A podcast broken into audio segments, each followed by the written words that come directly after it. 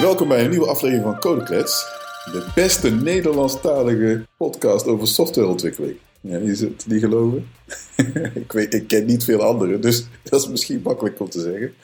Uh, vandaag zijn ik, Saber Karmoes en Bernard Kroes jullie gastheren.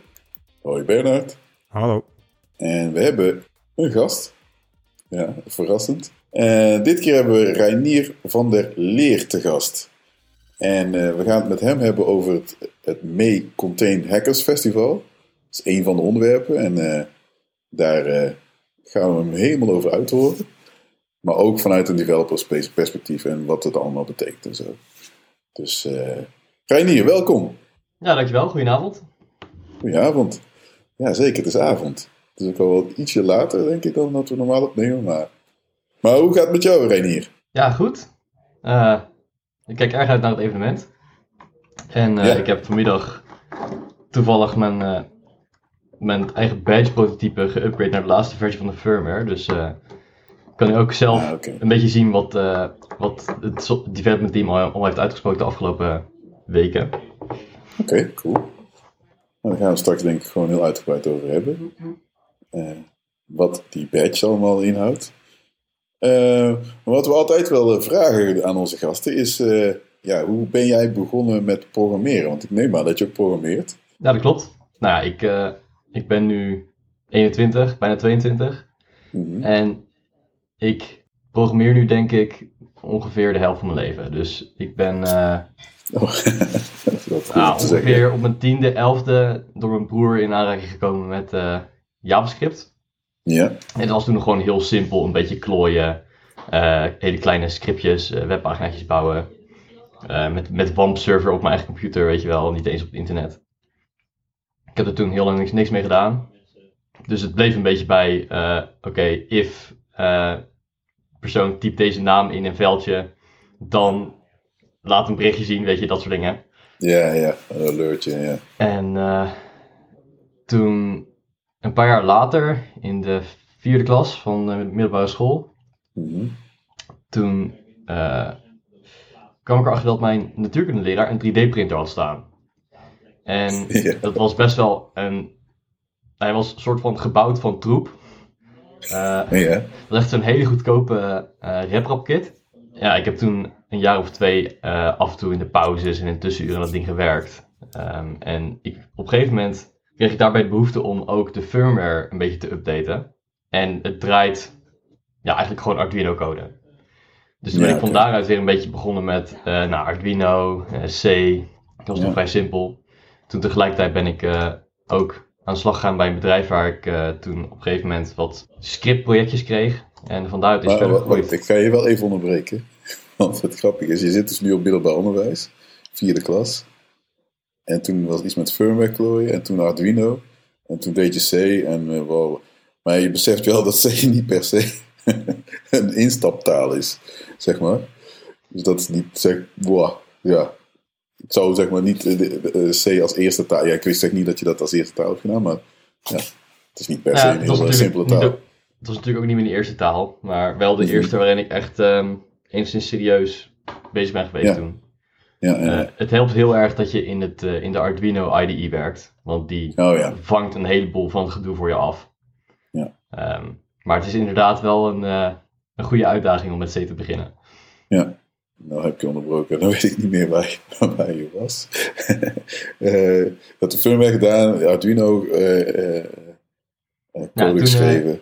toen ook op mijn werk ben ik er mee verder, tenminste met programmeren verder gegaan. Uh, in het begin was dat nog in Python, geloof ik. Dat ik uh, de opdracht kreeg om een scriptje te schrijven. Wat aan de hand van een CSV-sheet uh, wat data van Bob.com kon trekken. Ja. Dus, nou ja, daar heb ik toen twee weken aan gewerkt of zo. En toen had ik een scriptje wat gewoon data kon scrapen. En dat was ook meteen mijn laatste Python-project, geloof ik. Want ik ben daarna gaan werken aan de interne PHP-infrastructuur in het bedrijf. Mm -hmm. En die heb ik langzaam maar zeker overgenomen. En op een gegeven moment zijn we toen geswitcht naar uh, uh, TypeScript. Ja. En uh, ja, nou ja, dat is eigenlijk waar het, wat de huidige status is daar. Oké. Okay. Ja, cool. Dat is eigenlijk wel Maar goed, het, ik vond het wel stoer dat je ook zei van ja, de helft van mijn leven heb ik geprogrammeerd. En dat is in, in, elf jaar dus ongeveer. Is dat zo ongeveer, zit het goed? Ja, ja. klopt. En elf jaar programmeren is natuurlijk ook sowieso, ja, dan ben je al, heb je al een tijd uh, geprogrammeerd, dan hoor je er wel echt bij, ja. Ja, nou ik moet wel zeggen, als ik, als, zeg maar, destijds leek het heel wat om zeg maar iets op het scherm te krijgen en als je op een knopje klikt dat er dan iets gebeurt. Maar als je erop terugkijkt, dan is het wel echt, dan stelt het niks meer voor ten opzichte van wat je tegenwoordig allemaal kan doen. Ja. Uh, maar ja, uiteindelijk, dat maakt ook niet heel veel uit. Ik bedoel, het gaat om het idee. Gewoon, ja, ja. Je, je typt magische woorden in de computer en dan doet hij wat je wil. Wow. Ja, ja dat is wel, ja, volgens mij dat, is, is dat hoe het ons allemaal heeft uh, gegrepen. Kun je niet of het bij jou zat, Bernhard? Ja, ja, ja. het is wel een beetje uh, magisch. Ja. ja, je bent gewoon de baas. Je zegt wat hij moet doen en dan uh, doet hij het. Ja. De, de, echt de eerste basic scriptje ooit is print je naam en dan met een spatie of twee of drie ervoor en dan loopen. Ja, ja. ja, precies. Dat is wel echt de, typische. Ja. En dat vond dat. Ja, dat is. Ik weet niet eens. Ik vraag me af of mijn kinderen. Dus mijn oudste is tien en de jongste is drie. Maar goed, laten we zeggen de oudste dus. Als ik hem zeg maar ook zo'n programma zou laten maken, hoe erg hij onder indruk zou zijn. Ik weet, ik weet het niet.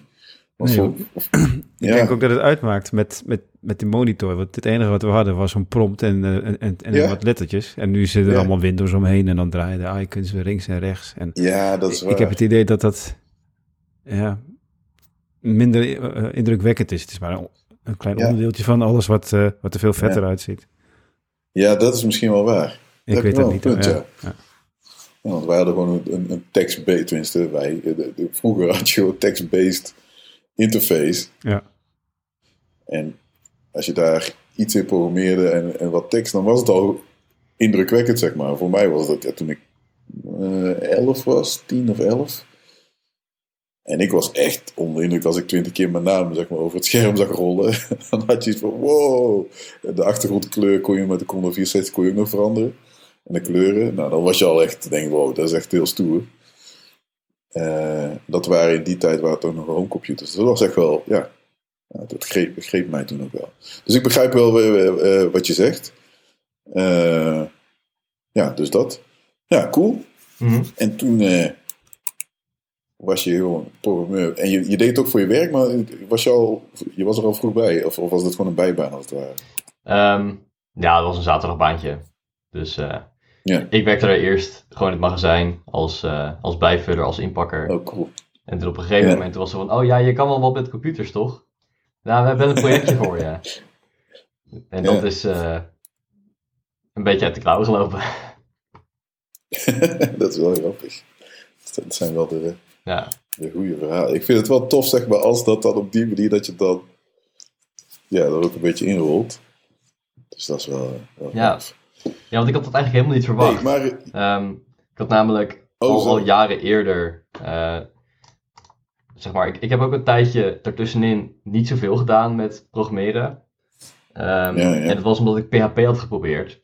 En dat wilde maar niet. En ik dacht, ja, wat is dit nou weer voor gedoe? Uh, laat maar zitten, ik ga wat anders doen. Dus eh, vanaf het moment dat ik daar bij dat bedrijf weer een projectje kreeg, is het weer op gang gekomen en ben ik er niet mee gestopt. Maar um, het was wel, ja, ik had niet verwacht daar um, zover te komen in, in dat, uh, in die zin. Ja, ja. Ja, ik begrijp het. Ik weet niet, ja, dat is nu, Bernard is er nu even niet bij, maar die, uh, ik denk dat nou, jij hebt het ook gehad. Dat iedereen wel eens. Ik, ik heb ook wel momenten gehad dat ik dacht: jongen, heel de programmeren, zoek het even ja. uit. Waar slaat dit op? Klopt. En dan is het. Uh, in eerste, dus ik, ik heb dat gehad, zeg maar, met. Dat ik dacht: van oké, heel dat, nou, ik kom er niet uit. Ik vind het helemaal niet leuk meer. Het, het levert me alleen maar negatieve energie op. Maar gewoon puur rond de techniek, dus het, het, het programmeren zelf. Maar daarbuiten, zeg maar, als je gewoon uh, voor bedrijven gaat werken uh, of ja, ingehuurd wordt of whatever, dan, uh, ja, dan, is, dan het meer dan alleen maar programmeren. Want je, communiceert met mensen, je moet deadlines halen, nou weet ik veel, testen, alle, heel veel dingen komen erbij kijken. En dan zijn er ook momenten geweest dat ik denk, joh, kom op man, hou eens even op. Zoveel negativiteit en ik denk, ja, dit is gewoon niet leuk meer. En uh, Maar goed, gelukkig ben, wel door, ben ik wel doorgegaan. Dus er zijn altijd wel ups en downs. Dus, dus soms is het echt wel, uh, het, is, het is wel een, ja, interessant beroep. Ja, misschien kun je het wel bij, bijna emotioneel noemen, maar dat is ja. misschien overdreven. Maar er, komen wel wat emoties bij kijken, laat ik het zo zeggen. Nou, met, met, dat soort deadlines en zeg maar, strak geplande projecten uh, heb ik niet heel veel te maken gehad. Uh, ja. Omdat ik redelijk zelfstandig werkte binnen het bedrijf. Maar ja, ik, wil, ik heb natuurlijk wel net als iedereen uh, gedoe gehad met toolchains die niet werken. Of tooltjes die niet doen wat je willen. En dat je dan gewoon ja. je ontwikkelomgeving aan het debuggen bent voor een halve dag lang. Ja, dat, is, dat klopt. Dat is echt... Ik, kijk, ik, ik heb nog ook zo'n eigenschap dat ik eigenlijk soms net iets te lang een probleem bij mezelf hou. Dus dat is als je in een team werkt. Want uh, ja, dan stel dat je met vijf of zes, zes developers in een team zit. Ja, dan is het handig om als je na, weet ik veel, eh, een halve dag of zo niet uitkomt, dat je eens even met iemand anders gaat babbelen van oké, hoe zit het nou? Of kijk eens even mee. En soms kan dat gewoon niet, omdat iedereen druk is. Of soms heb je zoiets van, nee, ik ga het bij je eigen wijze, ik ga het zelf oplossen. En ja, dan zit je jezelf een beetje in de weg. Uh, en dan, ja, dan, dan dat, dat, dat, is gewoon niet handig. Dus je merkt gewoon, als, als je gewoon überhaupt al tegen, weet je wel, rubber ducking, zeg maar. Mhm. Of dus, dus, dus alsof je tegen een rubber duck eh, praat, dus een collega neemt en gewoon je probleem uitlegt, dan wordt het heel vaak, los je dan bijna eigenlijk je eigen probleem al op. En dat helpt gewoon. Dus, dus die mhm. communicatie en praten met je collega's helpen, is, is eigenlijk wel heel belangrijk. Tegelijkertijd de keerzijde daarvan is, en dat is met, ook nog eens met software, softwareontwikkeling, vergt heel veel concentratie. Dus je moet wel gefocust bezig zijn met het programmeren. Dus eigenlijk is het niet fijn dat je dan gestoord wordt. Maar ja, jij, ja, je zult af en toe anderen moeten helpen of jij, jij wil geholpen worden. Dus dan zijn er echt wel van die uh, dingetjes die, die, die uh, hoe zeg je dat, die focus dan uh, doorbreken. Dus dat is een beetje een, een, een, ja, de keerzijde zeg maar, van de medaille. Maar goed, het May Contain Hackers Festival. Yes. Dat is echt, ik kende het nog helemaal niet. En dan zat misschien, heb ik me ergens verstopt onder een onder een grote rots ergens. Ja, ik, ik hoorde het uh, via de uh, Met Neus op Tafel uh, podcast. Althans, die, ik hoorde natuurlijk via Bernhard al. Hè, dat er contact was gezocht van... Oké, wil jullie dat, dat, dat we een codeklets, zeg maar... het wilden hebben over het festival. Nou, dat leek ons sowieso heel erg leuk. En toen had ik de podcast gehoord, zeg maar... bij Met Neus op Tafel. Die over het festival gingen. Dus ja, dat, dat, dat klonk heel erg ja, leuk en, en een heel interessante community, zeg maar. En de mensen die ja, via uh, de Slack van mijn deurs op tafel, die, die betrokken zijn, of tenminste die ook volgens mij presentaties geven op het festival, die waren echt super enthousiast. En de andere mensen die gingen bezoeken, die zijn enthousiast. Dus dat ja, uh, wekte wel interesse op bij mij. Dus, maar kun jij uitleggen zeg maar, aan, de, aan de luisteraars wat het May Contain Hackers Festival is? Um, ja. Ik zal een poging doen. Ik denk dat allereerst eventjes een beetje context nodig is. Namelijk, wat verstaan we hier onder hackers? Um, ja, dat is een goede. Als je het aan de NOS vraagt of aan uh, eh, NRC of aan andere nou ja, algemene nieuwsmedia, uh, dan zijn mhm. hackers meestal mensen die inbreken in computers. Nou ja, ja. Dat, dat is natuurlijk ook heel leuk. Um, dat zullen de meeste bezoekers van het uh, evenement wel, met je eens zijn, denk ik. Maar lang niet iedereen die daar komt, of lang niet iedereen die zich hacker noemt, houdt zich daar actief mee bezig. Binnen die community verstaan we onder hacken namelijk het creatief omgaan met technologie. Dus doe iets uh, leuks met je toetsenbord, waar bijvoorbeeld um, firmware op zit die je herprogrammeert, zodat je Snake kan spelen op je toetsenbord. Dan heb je je toetsenbord gehackt. Heb je dan ingebroken in een computer? Heb je gegevens gestolen? Nee. Heb je iets leuks gedaan met een stuk technologie wat nu iets anders doet dan wat de fabrikant ermee bedoeld had? Ja. Dus in die zin moet je het een beetje zien. En uh, nou, op dat festival, en dan moet, dan moet ik eigenlijk even refereren aan de vorige editie, dat was namelijk SHA 2017, oftewel Still Hacking Anyway 2017. Um, dat was op dezelfde locatie in Zeewolde. Er waren ongeveer 3600 bezoekers. Um, en nou, daar stond dus bijvoorbeeld ook de brandweer met een brandweerwagen, uh, een, volgens mij een commandowagen. En uh, bezoekers konden die proberen te hacken, dus inbreken. Mhm. En uh, als dat lukte, dan kregen ze een bounty. En dat heeft ook het nieuws gehaald. maar er stond op het terrein ook was een lasershow. En er waren, stonden vuurtorens. En we hadden ons eigen um, havengebied in beheer tijdelijk. Um, er, je kon op het evenement kon je in een, in een sauna zitten die de Finnen met subsidie mee hadden gesleept uit Finland. Um, er was een pizza village waar je de hele dag pizza kon halen. Er was een pannenkoeken village waar je de hele dag pannenkoeken kon halen. Um, er waren allerlei plekken waar je aan je eigen elektronica kon werken of gewoon samen met andere mensen ouwe hoeren over projecten of ideeën. Dus het is een hele creatieve sociale bedoeling. Um, En nou, uh, op serieus gebied zijn dan natuurlijk ook lezingen. Dus allerlei mensen uit de industrie uh, of gewoon uit de community die een goed verhaal hebben of um, die uh, interessante dingen doen in het algemeen die wat komen vertellen over hun activiteiten. En die lezingen die kun je het hele evenement lang volgen in allerlei tenten en op allerlei stages en zo. Dus ja. het is een conferentie en een kamp en een beetje alles bij elkaar. Gezelligheid. Ja, oh, cool. Nou, 9600 man uh, is best uh, veel, zeg maar. dus dat, ja, ik noem het even een, een, een tech-festival of, of een, ja, ja, nou ja, misschien is dat een, een algemene ja, term. Ik denk dat dat het ook is. Maar anderzijds zijn het echt wel veel mensen, zeg maar. En, internationaal dus ook bekend. Als je zegt dat er Finnen eh, waren die met hun sauna hierheen zijn gekomen. Dus jullie hebben ook best wel wat internationale uh, uh, bezoekers. Ja, dat klopt. Um, het is namelijk een van de grootste outdoor hacker evenementen ter wereld. Ja. Um, het wordt ook al gehouden sinds 1989. Uh, toen was oh, Galactic Hacker Party en sindsdien was er ongeveer elke vier jaar een editie. Ja. Um, waarvan dus de laatste in 2017 was en dit jaar, na vijf jaar, hebben we weer een editie. Mm -hmm. uh, en omdat het al zo vaak gehouden is en uh, omdat het zo groot is, komen er inderdaad vanuit de hele wereld mensen op af. Um, ja. Uit Duitsland sowieso heel veel mensen. In Duitsland is die, is die hele community, die hele hackers scene heel groot. Maar ook uit uh, Italië, uit het Oostblok, uh, de Verenigde Staten, um, ja. de rest van Scandinavië. Scandinavië, ja. De, de hele regio um, komen al heel veel mensen vandaan. En die verzamelen zich dan ook op, op, het terrein, op het kamp, in villages. Um, of uh, embassies, net hoe ze dit noemen. Dus daar heb je gewoon een groepje mensen uit Italië bijvoorbeeld die bij elkaar staan. En ja, ja. dat leverde ook wel leuke tafereelen op vorige keer. Want die had dus bijvoorbeeld te vinden met hun sauna. Maar de, de, Italianen, die hadden op een gegeven moment um, het grote lichtbord met Sha. Het waren gewoon grote letters. Die stonden langs de boulevard op het terrein. En uh, de Italianen die hadden de netwerkkabel die daar naartoe liep.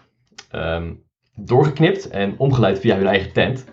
Om vervolgens de Italiaanse vlag erop te zetten. dat, dat, is wel een goeie. cool. Ja, dat is wel een. Uh, dat klinkt als een goede sfeer, laat ik het zo ja. zeggen. Maar hoe, hoe lang duurt het festival? Want ik kan me voorstellen dat het niet. Het, ja. Het zal wel een aantal uh, dagen duren, toch? Of niet? Het, uh, het duurt ongeveer een, een week.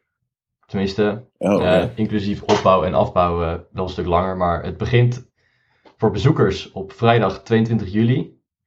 En dan ja. uh, vijf dagen tot en met dinsdag 26 juli. Oké. Okay. Ja, cool. En volgens mij zijn tickets altijd voor alle dagen. Dus je kan geen. Of kan je ook dagtickets kopen? Um, ik dacht dat ze dagtickets deze keer niet deden, inderdaad. Dat zal ik nee. even checken. Uh, Nee, klopt. Dagtickets ja. uh, zijn niet een dingetje deze keer. Prima. Ja, ja, oké. En wat zijn, hoe duur zijn de tickets? Uh, op dit moment kun je tickets kopen voor uh, eh, 355 euro op tickets.mch2022.org. En ja, oh, op 3 juli gaat die prijs omhoog. Dus elke maand gaat de prijs een stukje omhoog. Um, Helemaal in het begin kon je ze kopen voor 300 euro, geloof ik. En dus naarmate de tijd vordert, wordt het steeds een beetje duurder. Oh, ja. Makes sense. Um, ja. Je kan ook support tickets kopen. Dan betaal je een beetje extra. En dan, daar kan het evenement alweer leuke dingen van doen. Um, ja, ja, tuurlijk. En, uh, hoe zeg je dat? God, nou wil ik... Ik had een vraag en ik ben het kwijt.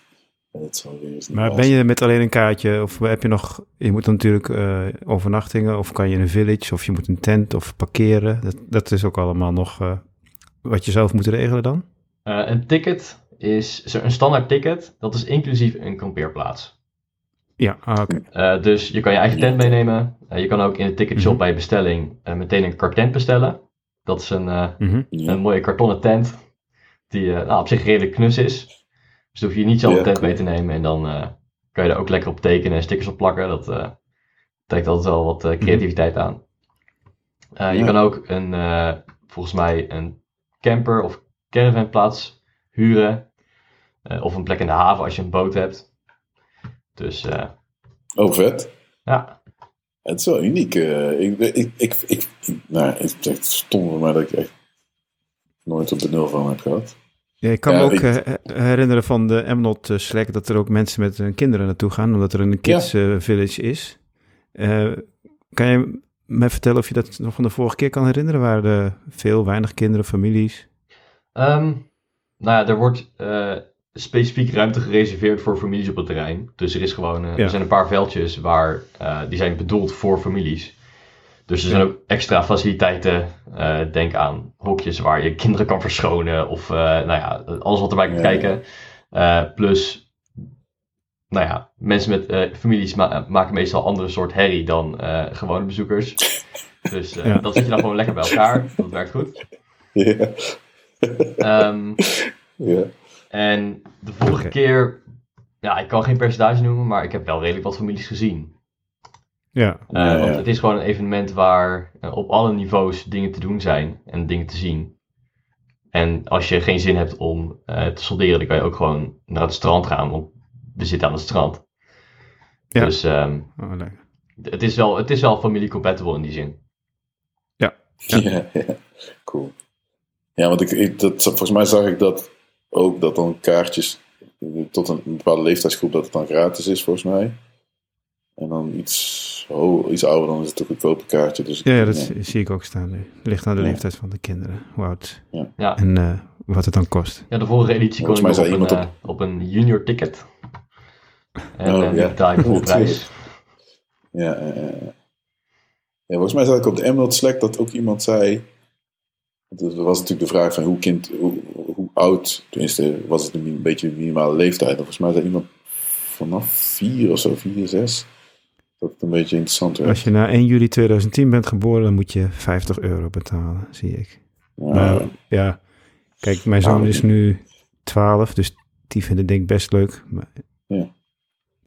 is een beetje, ja, ja, om daar rond te hangen. Dat, daarom vraag ik het ook, ja. Alright.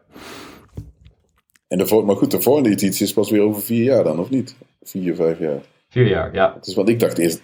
Ja, ja, oké. Dus het, is, het is geen jaarlijks event. Dus het is best speciaal dat hij nu dus weer is. Ja, ja klopt. alterneert hij ook niet met, uh, met een event in Duitsland?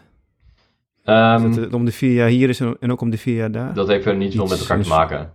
Um, Oké. Het is inderdaad wel zo dat uh, Chaos Communications Camp... Um, ja. Dat is... Ik, ik zal even kijken wat de interval is. Dat is ook uh, volgens mij ja. om de zoveel jaar. Alright. Um, ja, dat is om de vier jaar. Ja. ja. Ja, mogelijk dat ze elkaar gewoon niet in de weg gaan zitten. Zeg maar. Oké. Okay. Beetje ja, lullig om dan tegelijk een festival te organiseren. Dus dat geloof ik denk ik wel. Want uh, Chaos Communications Camp is volgens mij het enige grotere outdoor hacker, hacker evenement. Ja. Uh, en daar hebben we dus, uh, nou ja, de Hectic serie, zoals die soms wordt genoemd. Ja. Oh, echt? Ja. Maar je zegt ook dat hij, wat was het nou, 89 of zo, sindsdien dat hij al georganiseerd wordt. Klopt, ja. ja. Toch? Ja, dat is wel grappig. Maar en, ik begreep dus ook dat er iedere keer een andere naam is, zeg maar. Want het is, het is niet zo dat het, dat het festival één naam heeft gehad. Ja. Dus iedere keer eigenlijk een andere... Ja, elke, elke keer wordt er een andere naam verzonnen. Dus het is begonnen met uh, Galactic Hacker Party in 1989. Ja. Um, ja. En nou, daarna hadden we uh, HEU, oftewel Hacking at the End of the Universe, uh, HIP, hack, Hacking in Progress, uh, Hackers at Large, oh, What the Hack, hack at, Hacking at Random, Um, 2013 hadden we Observe Hack Make, oftewel OOM. En uh, daarna SHA. Ga je zelf ook in een uh, village uh, zitten of aansluiten? Is er een, is er een speciale village voor de, voor de badge? er is volgens mij geen badge village. Maar nee. ik ben zelf aangesloten bij een hackerspace in Den Haag, RefSpace. Mm -hmm. En ik verwacht dat er wel weer een RefSpace village komt. Dus dan ga ik daar gezellig bij staan ik vroeg me ook af, gaat er nog iets gebeuren met die badge op het festival zelf? Uh, gaan jullie daar iets omheen organiseren? Of... Volgens mij hebben we niet eens geïntroduceerd dat er een badge is. Oh, maar nou, dat... Ja, dat had wel te doen. De badge? Ja, René, vertel, de badge. Dat is vrij uniek voor dit festival, toch? Ik bedoel, want ja, ik, althans, ik, ging naar, ik ga naar conferenties. En een conferentie, dan krijg je af en toe zo'n suffe badge, maar, waar je naam op staat. En soms is die iets meer, iets minder suf, maar het is niet mega creatief of zo. En wat ik begrepen heb, is dat het badge best wel een ding is. Dus misschien is uitleggen en uh, vertellen wat, wat de badge is, is misschien wel een goede introductie voor de badge. Want dat, dat is uh, denk ik voor onze luisteraars ook best wel interessant. Ja, nou ja, iedereen kent ze wel van evenementen, die stukjes papier of kaartjes met, met je naam erop, zodat mensen je kunnen aanspreken en weten waar je ongeveer vandaan komt. Um, dat is totaal niet wat we aan het ontwikkelen zijn voor het evenement. Het is wel oorspronkelijk uit zoiets voortgekomen. In de zin dat er op evenement badges voor dit soort evenementen steeds meer lampjes en schermpjes en knopjes en zo terechtkwamen. Tot het op een gegeven moment volwaardige uh, kleine computers waren geworden. Nou, dus bij SHA 2017, het vorige evenement, hadden we een soort Game Boy-achtig apparaat gemaakt met een e-ink schermpje. Dus uh, als de stroom uitviel, als je badge leeg was, dan stond nog steeds je naam erop. Dat is natuurlijk een belangrijke functie. En um, je kon er apps op downloaden. Uh, het was ook gebaseerd op de ESP32. Dus dezelfde uh, module die we, nu, die we nog steeds gebruiken. En um, nou ja, hoe die badge tot stand is gekomen is een heel, heel verhaal apart. Um, Vertel. Oké. Nou, ik moet zeggen, ik was er niet voor het hele verhaal bij. Um, ja. Maar het komt erop neer dat de ontwikkeling voor, voor die badge, die begon al redelijk laat. Uh, was een beetje geïnspireerd door uh, de editie van Electromagnetic Field. Dat is volgens mij een hack hackerkamp in Engeland. Uh, ja. Daar was ook een evenement badge. Met op zich best wel coole features. Um, maar er zat een groot LCD op als de stroom op was, ja, dan ging het scherm op zwart en dan liep iedereen rond met een groot zwart vierkant op zijn borst. Nou, dat vond het Nederlandse toen nog toekomstige badge team best wel een beetje suf uitzien. Uh, dus die begon te fantaseren over wat nou als we er een e-ink schermpje op gooien en zo. En uh, toen is er in volgens mij een jaar of zo is er een, een badge uit de grond gestampt. Inclusief een app store, ja. um, een heel ecosysteem eromheen. Maar dat is natuurlijk niet zonder slag of stoot gegaan. Bijvoorbeeld, nou, alle chips waren besteld en naar de productiepartner in China gestuurd. En toen waren er 4000 badges van gemaakt. En toen bleek dat uh, van de twee badges aan USB serial chips die waren ingekocht, één van beide bestond uit mm neppe chips en de ander niet. Oké. En dus daar kwamen, daar kwamen ze toen achter dat uh, dus de ene helft van de badges, die wilde gewoon niet booten. Omdat ja. de ene chip net iets andere uh, componenten eromheen nodig had dan de andere chip.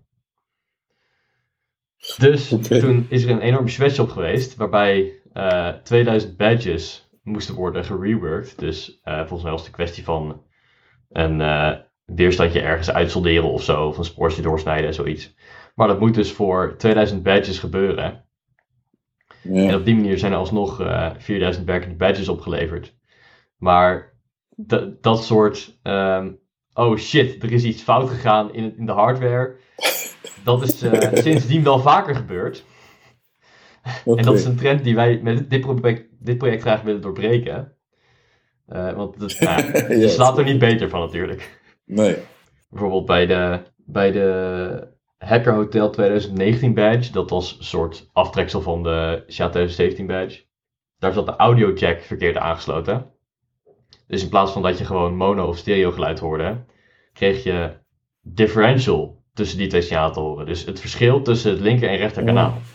En om dat te fixen, moest je een spoortje doorsnijden en, en een draadje ergens tussen solderen. Wat natuurlijk weer een workshop op een evenement werd. Um,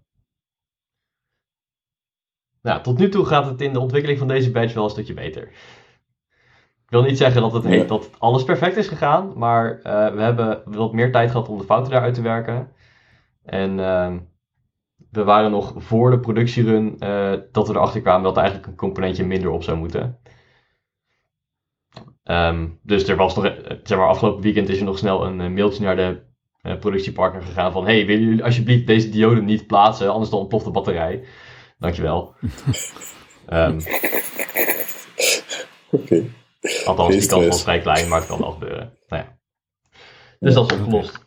Ja, ik was benieuwd wat uh, de badge dit jaar allemaal uh, uh, kan en wat hij gaat kunnen en hoe de ontwikkeling is gegaan en wat jouw rol daarin is geweest. Dat zijn eigenlijk drie vragen. ga je gang. Oké, okay, dus allereerst, wat kan die allemaal? Ja. Nou dat moet ik eigenlijk beginnen met wat, wat wilden wij met deze badge? Ja.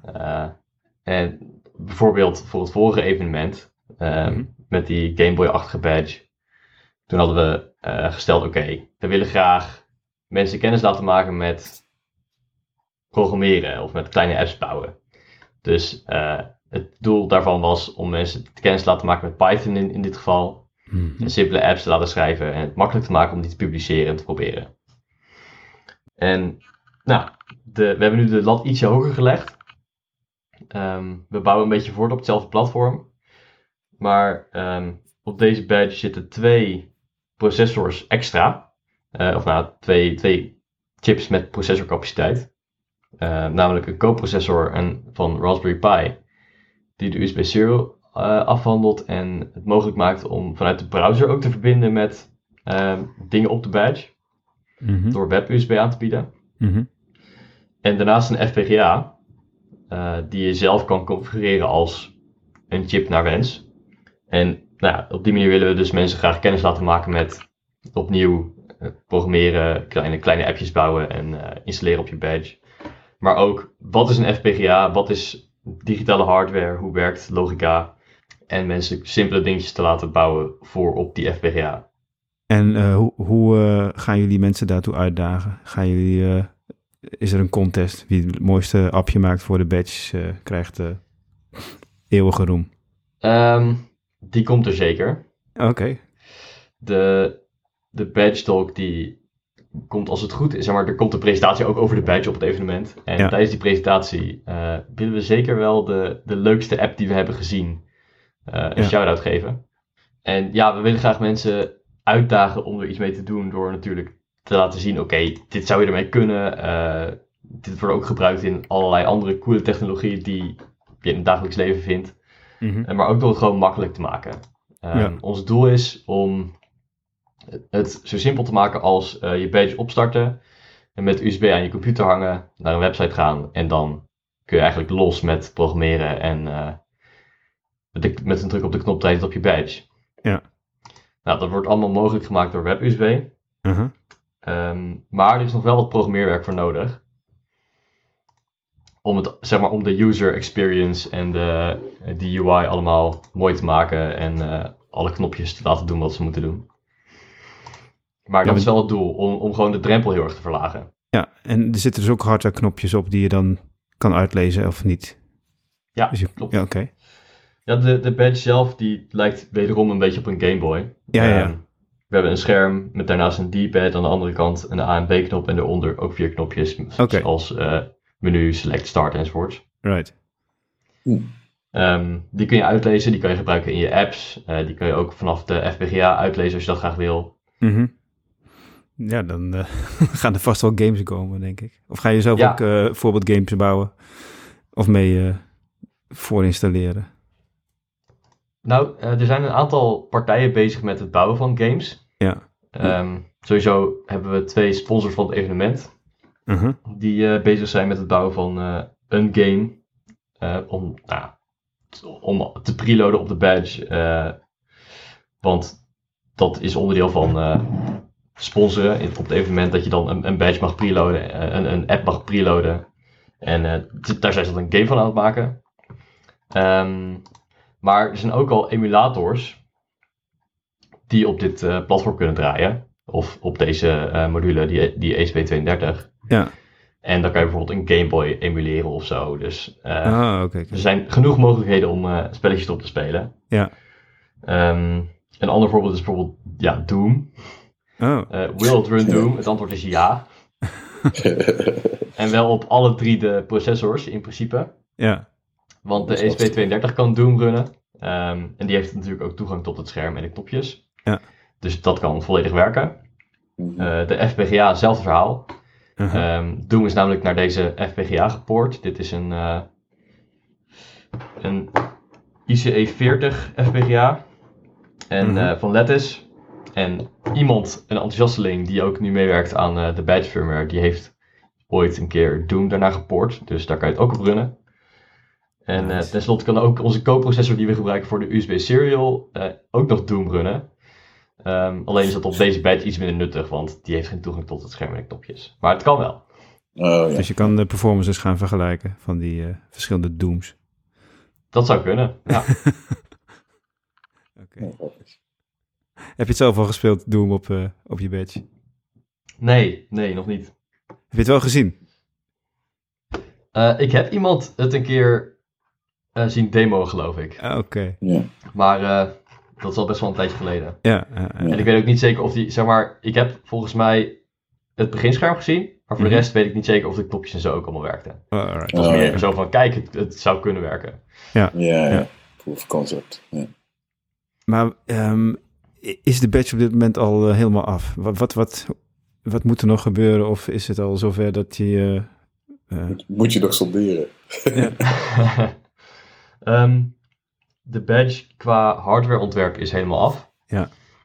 Um, we zijn nu met onze productiepartner in China aan het praten over het beginnen van de assembly. Dus alle printplaten zijn gemaakt en uh, ze gaan de componenten erop zetten komende week als het goed is. Tenminste in de komende weken. Um, aan de firmware wordt nu heel hard gewerkt. Of moet ik zeggen het operating system, want wij hebben eigenlijk twee firmwares die samen uh, op de badge werken. Mm -hmm. um, op, ja, het, de meest basic features, zoals uh, het opstarten van apps en zo, dat, dat werkt al wel. Maar um, we hebben natuurlijk onze App Store, de Hatchery. Daarvoor moet nog een client worden gebouwd op de badge. Uh, we willen heel graag dat mensen ook hun eigen apps gaan ontwikkelen, nog voor het evenement, zodat er wat te doen is op dag 1. Ja. Um, er moet nog worden gewerkt aan de online omgeving. Dus onze App Store heeft natuurlijk een website, de Hatchery. Ja. Um, die heeft echt een makeover nodig, een, een goede likverf. Um, we willen graag dat de Hatchery gaat samenwerken met uh, nou, dus web-USB, zodat je bijvoorbeeld in je browser een soort badge IDE kan openen. Mm -hmm. En dat je dan met USB je badge aan een computer hangt. Ja. En dat je dan code kan typen in die online IDE en het uh, met een druk op de knop kan runnen op je badge. Oké. Okay. Nou ja, dat moet natuurlijk allemaal worden gebouwd. Ja. Um, en we willen dat ook, ook, graag integreren met de hatchery, zodat je als je iets hebt gebouwd en getest, dat je het gelijk kan uploaden. Okay. Of andersom, dat je uit de hatchery uh, via USB dingen naar je badge kan laden. Mm -hmm. Dat soort dingen. Um, en, en, wat is jouw uh, rol precies in dit alles? Uh, ik denk dat ik van de mensen die nu actief bezig zijn in het team, ja. het de minste code aanraak. Ik ben namelijk slechts de project lead. Ja. Um, dus het is mijn taak om uh, nou, de mensen die met hun handen in de code zitten um, te ontzien van allerlei overhead en organisatietaken. Ja.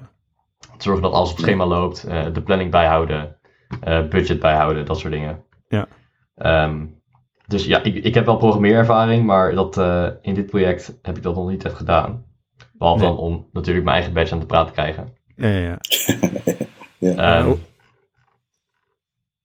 en of hoeveel mensen hebben we dan? Uh, is, hoe groot is het team en is het verspreid? Is het dichtbij allemaal in Nederland of hoe zit het in elkaar?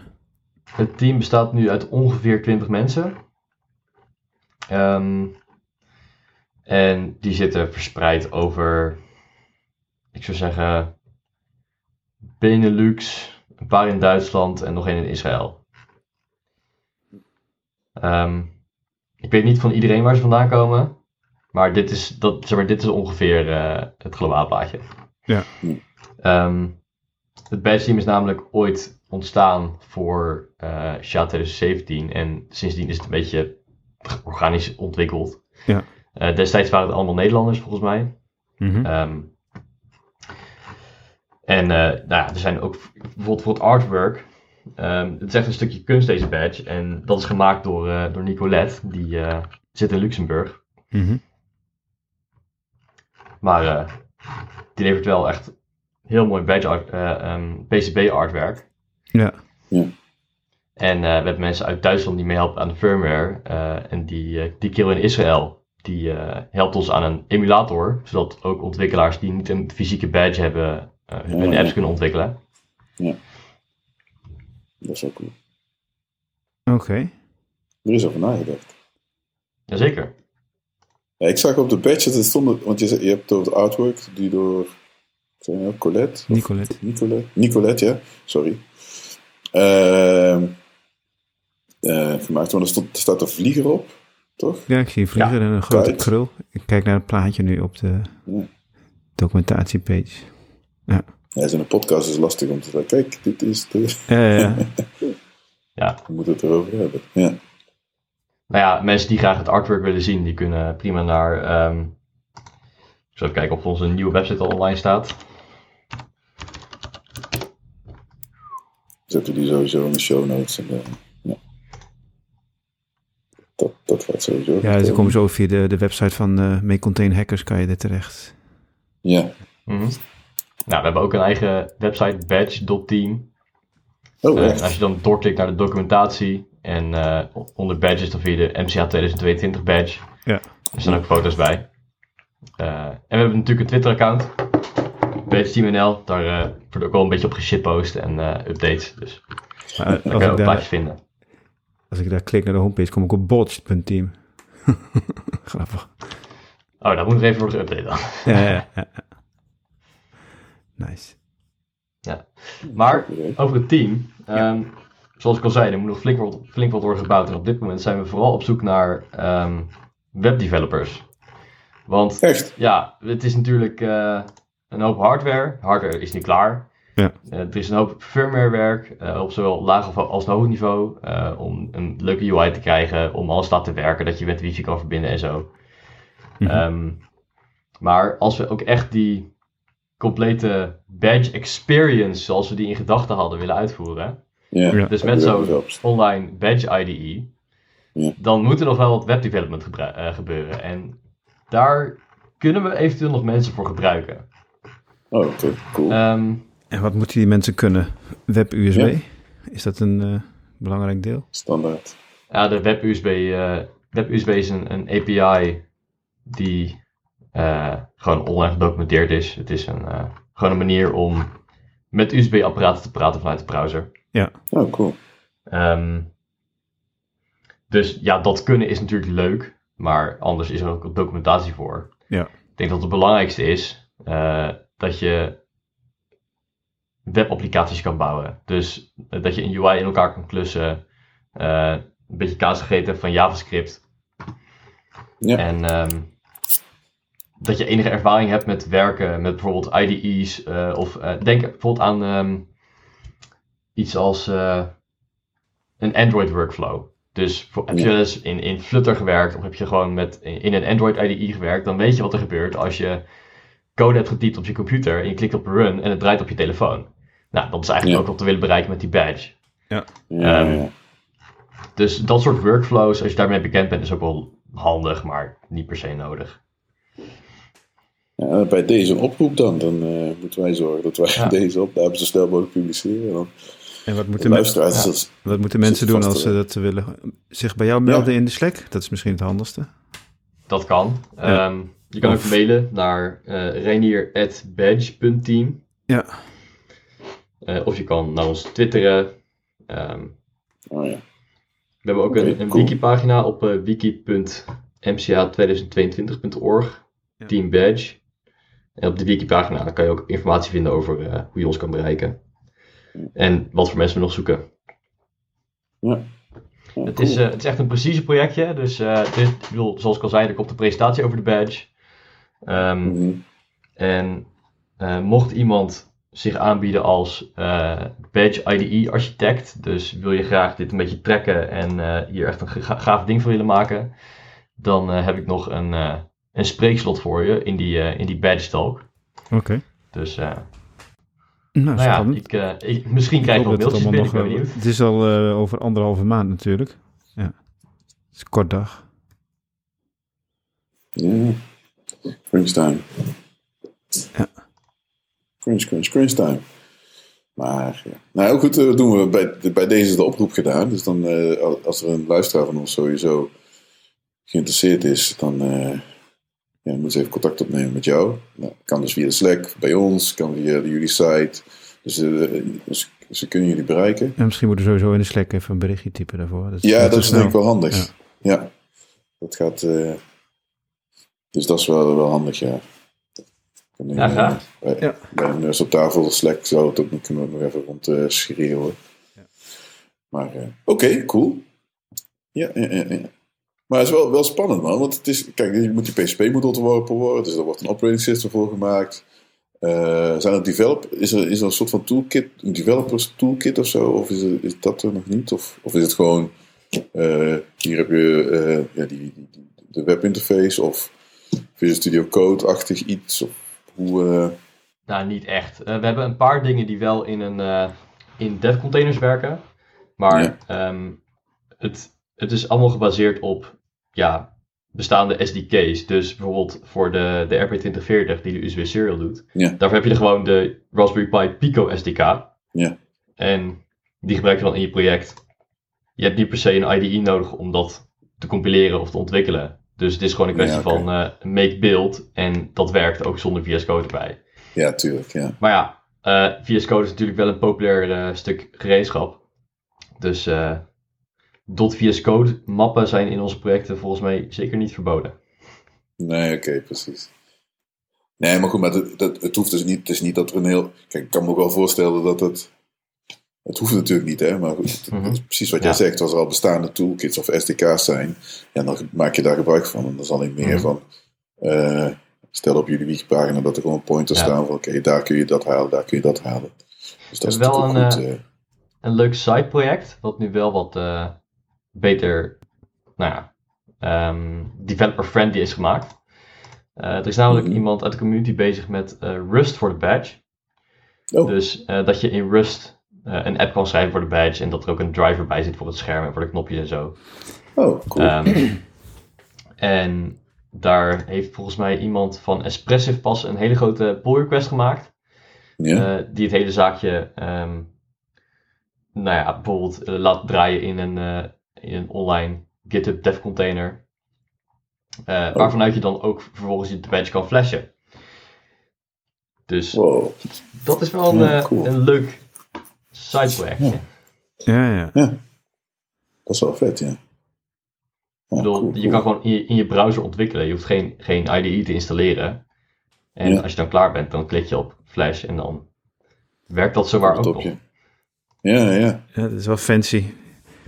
Ik weet uh, de vraag... Uh, ik heb ooit bij een bedrijf gewerkt waar we ook uh, real-time OS gingen moeten draaien. En dat, toen was de vraag, hoe kreeg ik daar nou uh, iets aan de praat wat niet C was, maar een scripttaal. Nou, dat is echt heel ingewikkeld, maar het, het, kon allemaal wel. Maar als je, als je nu hoort dat het gaat met gewoon uh, in je web en dan uh, druk op je knopje en dan heb je het op je... Ja. Dat is ja. wel amazing. Hey, het is, het is, voor mij was het... het is niet, niet, niet helemaal vergelijkbaar. Er zit een beetje schuur er tegenaan. Ik, ja, goed, ik, ik ben ooit eens met met, voor mijn domotica met Home Assistant zeg maar, begonnen. Ja. En dan heb je ESP Home, zeg maar. Dus dan kun je eigenlijk declaratief, uh, dus met in een YAML formaat kun je aangeven wat er dan, ja, ja. Uh, wat die uh, eh, ESP zou moeten kunnen. En dan wordt er zeg maar, dat vind ik, dat, vind ik dat als. Dus op basis van die YAML, dan wordt er een heel, hele code wordt gecompileerd en, en die wordt dan geflasht op zo'n ESP, zeg maar. Dat vond ik ook wel interessant. Er zat nog niet per se een idee bij hoor. Dat is alleen maar, ja, ja idee is een groot woord dan. Uh, maar dan, ja, die YAML file die kon je editen en dan uh, werd die zeg maar uh, gebruikt. Ja. En dat vond ik ook al heel erg tof, zeg maar, dat al die technologie bij elkaar komt. En dat, en dat web-USB, ja, op zich, als je erover nadenkt, van, ja, dat is op zich logisch dat het kan. Maar ja, dan komen best wel een aantal technieken kunnen bij elkaar komen, waardoor het ja, ja, nog, weet dat, de developer experience, dat die nog beter wordt en meer kunt doen. Dus dat is wel, wel weer heel gaaf. Ja. Uh, Reinier, ik zie ook dat op de badge een environmental sensor zit. Wat, wat kan die uh, detecteren en wat zijn daar nog leuke projecten mee te bedenken? Ja. Um, ja, op de badge zitten twee environmental sensors, gesponsord door Bosch. Mm Ja. Um, we hebben ten eerste, um, ja, ik weet het type nummers niet uit mijn hoofd, maar dat maakt niet zo uit. We hebben een uh, sensor voor onder andere luchtdruk, temperatuur, um, hoogte, dat soort dingen. Ja. Uh, luchtvochtigheid. Ja. dus dat is gewoon heel handig om je omgeving een beetje in de gaten te houden. Ja. Uh, volgens mij kan die ook luchtkwaliteit meten. Dus, um, oh, vet, ja. Nou ja. Stralen, stralen. Je ziet vaak dat, dat badges na een evenement beland. ja. Uh, je ziet vaak dat badges na het evenement in een ander project belanden. Dat ze gewoon ergens permanent komen te hangen. Ja. En uh, dan kun je zo'n sensor bijvoorbeeld gebruiken om hem in te zetten als een klimaatstationnetje of zo. Weet je, bedenk iets leuks. Ja. Um, en dan hebben we daarnaast nog een, uh, een oriëntatiesensor.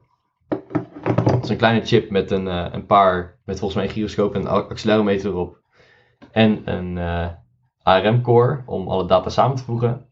Mm -hmm. En die geeft je een uh, absolute oriëntatie. Dus um, volgens mij moet je die één keer een nulmeting geven, of misschien niet eens. En dan vervolgens dan kun je je badge kantelen en draaien wat je wil. en dan komt er uit die chip de absolute oriëntatie van het apparaat. Wat natuurlijk ja. heel handig is als je bijvoorbeeld een spelletje wil hebben waarmee je je badge kantelt als bij wijze van input. Ja, ja, of hoe heet het, augmented reality uh, dingetje, ja. Ja. Lachen. Maar om daarvoor te, te, programmeren of die uit te lezen, moet je dan weer, uh, is dat nog weer ingewikkeld of? dat ligt eraan hoe moeilijk je het jezelf wil maken. Ja. Um, want we, we, bieden in principe um, hebben voor alle componenten op de badge um, ESP-IDF componenten gemaakt. Mm-hmm. Dus de ESP-IDF, dat is de soort van de development toolkit voor, uh, voor de ESP32. En met die ESP-IDF kan je nou, firmware bouwen ja. uh, die op de ESP draait. Ja. En met die componenten kun je dan gewoon een driver toevoegen uh, en die gebruiken okay, in je firmware. Dus dan hoef je niet zelf de driver te implementeren, maar kan je gewoon importeren en gebruiken.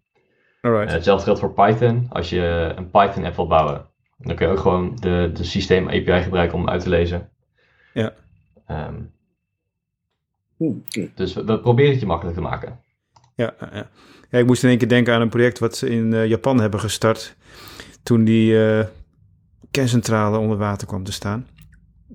Omdat er uh, heel weinig metingen waren van de radioactiviteit is zo'n gast allemaal van die uh, ja, soort van badges die uh, straling gingen meten, heeft hij gaan, uh, is gaan ontwikkelen en, en verspreiden. Dus zodat iedereen die zo'n ding had is, en daar rondreed, gewoon radioactiviteit ging meten, zodat de, ja, de, de, de metingen veel betrouwbaarder en nauwkeuriger werden.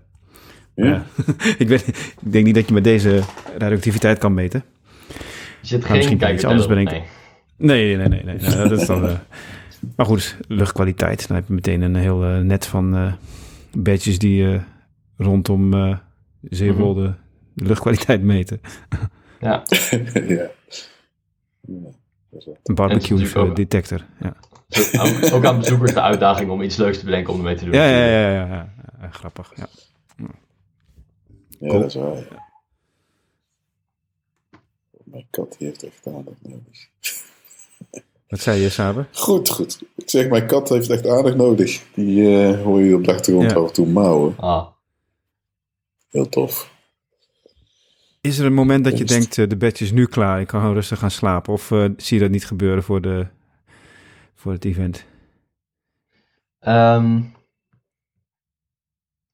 ik kan me voorstellen dat je blijft Dat moment is pas wanneer ze allemaal ingepakt in de doos zitten, uh, de, de firmware klaar staat en ze allemaal op het mm kampterrein staan.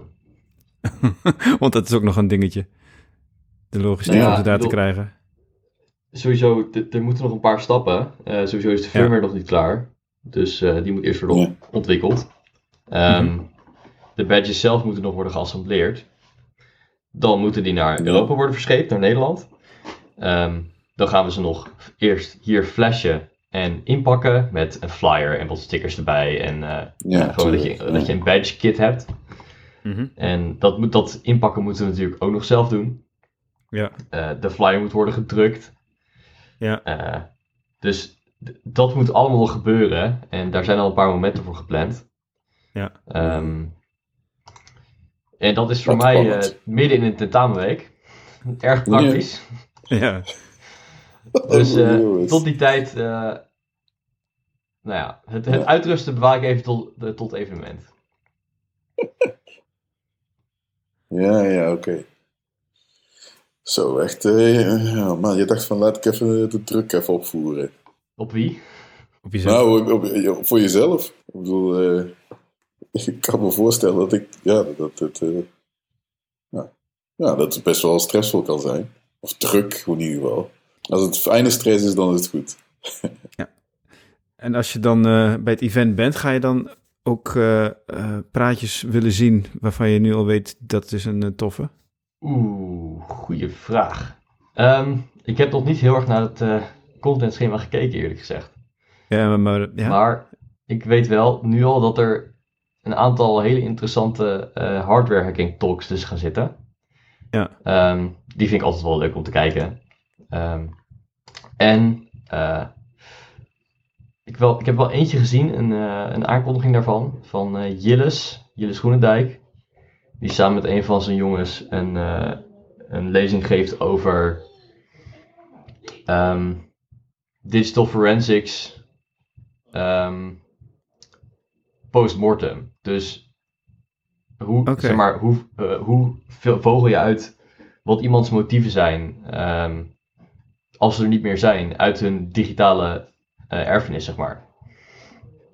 En okay. uh, daar hoop ik ook wel naartoe te kunnen. Interessant. Een soort OSINT, maar dan toch... An nee, ja. Hm. Nee, dat is niet zo... Toch anders. Oké. Okay. Grappig. Ja. Zeker. Mm. Oh nou, ik bedoel, je, je, kan je voorstellen dat nabestaanden niet zelf door iemands laptop willen gaan zitten zoeken. Nee. Want je weet niet wat je tegenkomt, maar ze willen wel antwoorden. Ja. En hoe pak je dat aan zonder zelf te worden meegesleept in, in zo'n. Uh, ja, ja, in de lading kan je, heeft. Ja, en hoe ver kan je legaal gaan met het openbreken van die informatie? Wat is. Dat is heel ethisch ook nog een uh, interessante kwestie. Mm Ja. Ja, ik vraag, ik, ik, ja, dat is, dat vind ik sowieso een goede vraag. Want, want ja, hoe zeg je dat? Wat, stel dat ik overleden heb, wat heb ik nog te willen, zeg maar? Nou ja. Uh, iets wat afgesloten is en er mag niemand bij kunnen. En ik ben overleden en dan. Ja. Ja, je hebt documenten, waar heb je een wachtwoord op gezet? Ja, dat is niet voor niks. of er is een mailaccount met allemaal belangrijke gegevens. Ja, dat is misschien weer dan een andere noodzaak. Ik weet dat niet. Als je je bankgegevens uh, wordt ja, ik, ik, ja, weet, ook niet wat, wat mag en moet ik, Serieus, ik weet ook niet wat juridisch, want ik bedoel, want ja, degene die, die je zou kunnen schaden, die is er niet meer. Uh, en mijn, ka uh, mijn, kat die is er ook niet meer eens. Maar goed, die, uh, maar die, die is er niet meer, dus die kan ook niet zeggen van ja, nou ja, ja ik weet niet. Of zijn familie misschien zou je ja, daarmee iets kunnen doen. Ja. Nou ja, dan moet je ja, interessant, wel, naar die talk toe. vraagstuk. Jillis. Groenendijk. Yes. What to do when someone closes, close to you takes their life and you are not tech savvy. Oh, dit is nog een specifieke zelfs. Ik vind het wel interessant. Ja. Dat had ik niet. Zo'n talk had ik niet verwacht, eerlijk gezegd. Dus dat maakt het misschien des te interessanter. Voor ieder wat wils. Ja. ja. Ik bedoel, ik, ik, ik heb me er ook wel eens over nagedacht. Van ja, ik heb natuurlijk mijn LastPass uh, allemaal mapjes op mijn NAS en in mijn cloud storage. Uh, ja. Wat gebeurt er allemaal mee als ik er zeg maar, wat gebeurt er als ik word overreden door een vrachtwagen, zeg maar? Of bedenk iets, ja. als ik er niet meer ben. Ehm, waar gaat het dan heen? En je hebt dan platforms zoals volgens mij Facebook, uh, die dan toestaan dat je een, uh, een soort erfgenaam instelt, die jouw account in, in beheer krijgt, uh, ja. mocht dat gebeuren. Maar lang niet alle platforms bieden dat aan. Nee. nee ja, Facebook is een logische, ja, los van dat ik, ja, goed, je kunt van alles van Facebook vinden, dat, dat is even een andere discussie.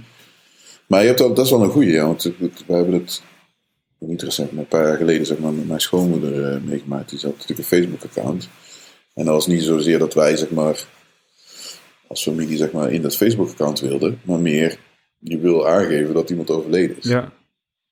En dat is ook best nog wel een gedoe. Want je moet echt, en kijk, dat is meer mijn bezwaar, want ik vind Facebook is gewoon een, een commerciële partij. Uh, zonder iets van een ja, hoe heet dat? Uh, hoe dat? In, in Nederland hebben zij niks te zeggen. Zij, zij, zij zijn juridisch, zijn ze niks. Het is gewoon een commerciële partij. Dus dan verwachten zij, dus stel, toen wij zeg maar toegang wilden krijgen of wilden aan kunnen geven wanneer dat mijn schoonmoeder overleden was, moest mijn vrouw en of haar uh, broer moest met, met een paspoort en weet ik wat allemaal bewijzen, zeg maar, dat ze dus een van die kinderen waren, dat die familie uh, was. En dat ook de overlijdensakte moesten overdragen. Terwijl ik denk, ja, hoezo? jullie zijn, jullie, ja. Maar dat moet je dan aantonen. Wat ik in één kant wel begrijp, want het moet niet te makkelijk gaan.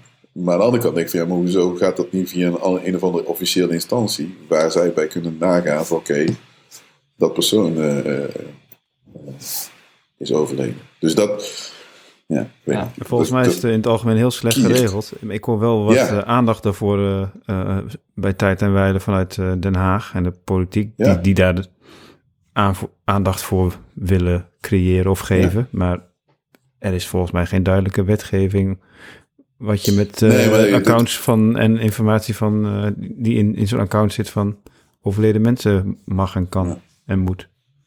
Ja, dit is volgens mij ook best wel een, een hele lastige. Stel dat jij nou Kijk, dat, dat is iets wat Facebook op een gegeven moment is gaan eisen. Facebook die eist op een gegeven moment van je moet je echte naam gebruiken. Want tot, tot Facebook gebruikte jij zeg maar op een site als Facebook, een Hives of zo, had je gewoon een, een nickname. Ja. En, en ja, dan wisten je vrienden zo wel wie jij was, maar that's it. Je hoefde, maar Facebook eiste zeg maar dat je je echte naam gebruikt. Op basis van, ja weet ik veel wat, wat voor uh, legale uh, legaliteit dat uh, dus dat, dat vond ik al interessant, zeg maar, dat ze dat uh, konden eisen. Maar daarmee betekent het wel dat zij dan uh, pretenderen dat zij kunnen zeggen: oh ja, dat is het persoon. En ze kunnen dat koppelen aan een identiteit. Dus dan kunnen zij vragen aan mijn vrouw of, of iemand anders: van oké, geef mij een van jouw identificerende document, documenten en een overlijdensakte. En dan gaan we wel jouw, uh, jouw moeder, zeg maar, als overleden uh, aan, aanmerken. Dan denk je, ja, dat is gewoon raar. Dat, het, het, het, kraakt en het, het, het, klopt gewoon niet. En dat is sowieso mijn bezwaar met de politiek, die dan hier helemaal geen rol in speelt. Terwijl ik denk, er moet gewoon een instantie zijn bij de overheid, waarbij jij, die er verantwoordelijk, ja, dat, is daar, dat maakt het ook niet makkelijk, die daar ergens een koppeling kan maken tussen de echte jij en ja, nou, jouw, jouw Facebook-account, zodat die instantie kan aangeven: oké, dat persoon is, eh, is, overleden. En daar kan Facebook kan gaan raadplegen. In plaats van dat ze Facebook een van een soort van, ja, eh, hoe zeg je dat? Uh, een quasi-officiële instantie gaat spelen, zeg maar. Dat zie ik niet helemaal zitten. Maar goed, dat is even een heel complete. hoe zeg je dat? Rabbit hole. Rap, ja, ja, dat is, ja. dat is wel een interessante ja, rabbit hole. Ik bedoel, er zijn ja, bedrijven die zijn gespecialiseerd in technieken om uh, een natuurlijk persoon te koppelen aan een stukje online activiteit. En hoe, hoe doe je dat nou betrouwbaar en zonder al te veel moeite?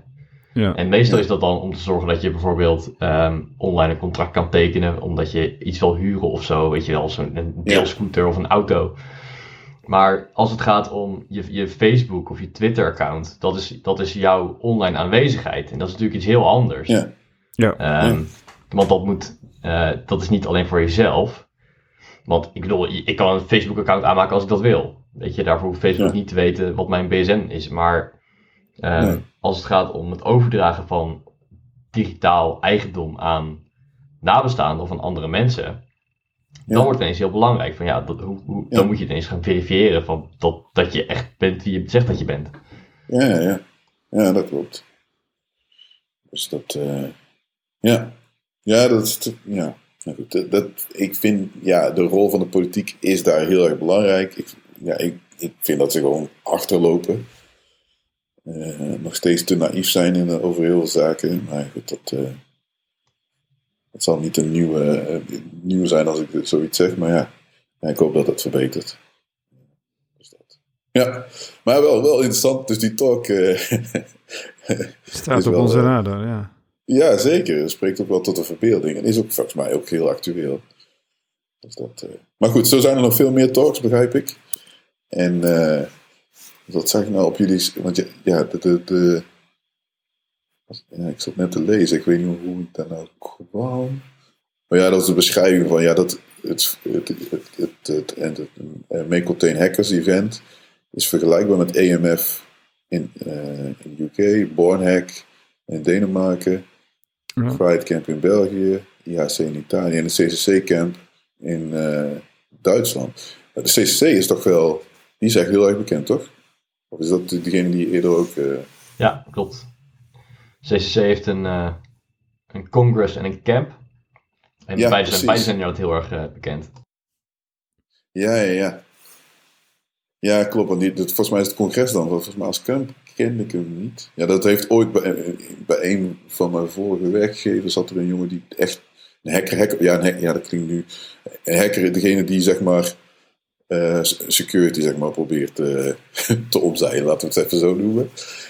En uh, die had het over, ja, dat hij echt naar die, die, die CCC-conferentie, dat, hij zei, ja, dat, dat, dat, daar moet je gewoon heen. En maar dat is volgens mij ook bijna ieder jaar wel dat er een talk is dat er iets, uh, volgens mij heel lang geleden had, was, zou er een talk komen die uh, de Adobe PDF zou blootleggen, zeg maar. En dat dan echt met man en macht, zeg maar, door Adobe, zeg maar, die talk is tegengehouden. Dus dat, dat vind ik dan ook wel weer interessant, zeg maar. Dus dat, dat iemand heeft een manier gevonden om, om de PDF-security eh, of de, de, de, de, beveiliging te doorbreken. En die wil daar een talk over geven, maar dat echt een bedrijf daarvoor gaat liggen van: oké, dit mag totaal niet gebeuren, want dan uh, gaat het helemaal fout. Dus dat vind ik wel, wel grappig. Maar volgens mij zijn er ook dat soort, dat soort talks bij jullie ook, of niet? Over uh, ja, hacking als in security omzeilen. Jazeker, ja, ja. Ja, um, ja, ja, En dan zowel talks over um, ja, specifieke exploits of uh, technieken of packages, maar ook gewoon verhalen van mensen die uh, met dit soort um, met dit soort onderzoek allerlei avonturen hebben beleefd met een bedrijf of met een overheidsinstantie uh, en die daar gewoon een heel sappig verhaal over kunnen vertellen. En dat is natuurlijk heel leuk om naar te luisteren. Ja, ja, zeker. Dat, dat geloof ik wel. Dingen met, ja, uh, van die, ja. dingen met USB-stickjes en uh, de IPD, weet je wel. Uh, ja, ja. Dat, dat zijn altijd wel leuke verhalen. Ja, het, tot ook echt, het, spreekt, kijk, het spreekt ook steeds meer tot de verbeelding. Doe je kijk, nou weet ik veel, noem een willekeurig dat 20 jaar geleden was, waar computers en internet was voor heel veel mensen was echt totaal onbekend. En uh, maar steeds meer, ja, iedereen, kijk, iedereen zit op internet, iedereen heeft wel Facebook en iedereen hoort tegenwoordig gelukkig ook wel dat als je niet uitkijkt dat je te hacken bent en zo. Dus dat is allemaal best wel, wel, grappig, zeg maar, dat, dat die bewustwording is er wel, zeg maar. Dus het is niet, niet dat we stilstaan, dat er heel grote groep mensen niet snappen wat, de, wat security is, maar ja, goed. Dat, uh, ja. Ja, met zo'n USB-stick en hacken en zo. Ja, dat, is ja. ik, ik luister, dus dat, dat, heb ik ook in deze podcast volgens mij wel eens genoemd. De, de, God, hoe heet die podcast nou over... Uh, uh, ja, het, gaat ook, het zijn allemaal verhalen, zeg maar, over mensen die dan ja, een grote hack hebben gedaan. Of die, uh, ja, weet ik veel, de, de, de, Xbox is toen op een gegeven moment hebben ze toen gestolen bij Microsoft. En dat, soort, dat zijn echt wel hele grappige verhalen om te horen. Je denkt wel, van, achteraf gezien is het leuk om te horen. Het is wel ja, nogal op een, ja, weet je wel, legaal, niet legaal. En ja, leuk om, kijk, nerds vinden het heel snel heel leuk. Volgens mij bedoel je is, Darknet Diaries. Ja, Darknet Diaries, precies. Uh, en uh, ja, daar hoor je, er komen wel heel leuke verhalen komen er langs. Het is leuk om erover te horen. Maar ja, je hoort ook gewoon echt jongens en meisjes die dan dingen doen die gewoon, ja, waar ze gewoon bewust van weten dat het gewoon hartstikke illegaal is. Gewoon het hacken van mailaccounts en, en, en ja, spullen echt gewoon stelen van mensen. Ja, dat komt er ook langs. Dus wel, ja. Nou ja, de, ik weet niet de code of conduct van eh, MCA in mijn hoofd. Um, ja. Maar het moet natuurlijk wel leuk blijven. Ik bedoel, we gaan niet, uh, niet publiek nee, nee, nee staan uh, promoten. Nee, nee, nee. Nee, dat lijkt. Dat, lijkt, dat is denk ik met, met al dit soort. Of, ja, dat CCC mij ook. Iedereen kijkt op mee. Ja. De, de, overheidsinstanties zullen niet tekenen van. Oh, oh ja. Ja, zeker. Oh, en uh, sterker nog, de, de talks worden vrijwel direct geüpload naar, naar YouTube. Oh ja. Dus dat is ook een leuke hint trouwens voor mensen die benieuwd zijn wat er allemaal te horen is. Oh, ja. We hebben gewoon een, een YouTube-account en daar staan alle lezingen van Chat 2017 op. Dus ik oh, zou zeggen, scroll maar gewoon een keer doorheen. Uh, er staan echt heel veel dingen tussen. En er staat vast ook wel iets voor jou tussen. Ja, ja, ja, precies. Dan heb je misschien een, een tip dan voor een oude talk die jij de vorige keer heel tof vond. Weet je er eentje, Renier? Um, niet uit mijn hoofd, nee. Oké, oké, oké. Nou. Mocht je erop komen om even... Ja, dan kunnen we die gewoon in de show notes eh, erbij zetten. Ja, en dan zetten we die in de show notes en dan uh, kunnen mensen die uh, opzoeken. Maar ja, goed, die link daarheen, zeg maar, naar die, YouTube-kanaal waar 2017 talks zijn. Ja, dat is wel interessant. Maar goed, eigenlijk moeten we wel heel trots zijn natuurlijk als Nederland als Nederlanders, dat dit zeg maar in Nederland uh, gebeurt in één keer in de vier jaar. En dat het, het is gewoon een grote conferentie. Of uh, festival slash conferentie. Uh, en ja, dus, ik vind het echt heel stoer. Ik vind het ook heel, heel mooi om te, te zien, ja, dat, dat zei ik in het begin ook al, dat echt mensen echt enthousiast zijn om erheen te gaan. dus dat, dat, ja, dat zegt denk ik ook wel iets. Dus dat, ja, ik zou nu heel graag willen zeggen, ja, ik ga ook. Maar ja, dit, ja ja, je zult misschien, het zal je misschien niet verrassen dat ik niet per se heel erg veel tijd heb, zeg maar. maar ja, misschien over vier jaar, of het eerstvolgende, uh, dat we dan toch maar eens een keer langs gaan. Dan zijn mijn kids allemaal ook nog eens wat ouder. Dan gaan we met z'n allen erheen. Dus dat is wel, wel heel erg gaaf. Cool, cool, cool. We hebben het ja, ja, zeker. Verwacht je dat er nog, ja, uh, verwacht je dat er nog last minute tickets over zijn uh, op 21 eh, juli? Of is het meestal uitverkocht? Oeh, daar kan ik geen uitspraak over doen. Um, nee, snap ik. ik weet misschien pas dan of ik uh, kan, zeg maar. Ik verwacht, is, er, is er een max? op dit moment wordt er gericht op volgens mij 3600 tickets. Ja. ja of, nee, of 3500. Ja. Um, dat is ongeveer net zoveel als de vorige editie. Eh, dan weten we zeker dat we iedereen een badge kunnen geven. Uh, dus dat, dat, dat, zit een beetje aan verbonden. Okay. Um, maar ja, het, het zou best kunnen dat er nog last minute uh, een, een nieuwe tranche aan tickets wordt aangemaakt. Ja. Met, een iets met een wat lagere prijs. Um, en geen badge. maar dan geen badge. En misschien dat je dan ook yeah. perks niet hebt.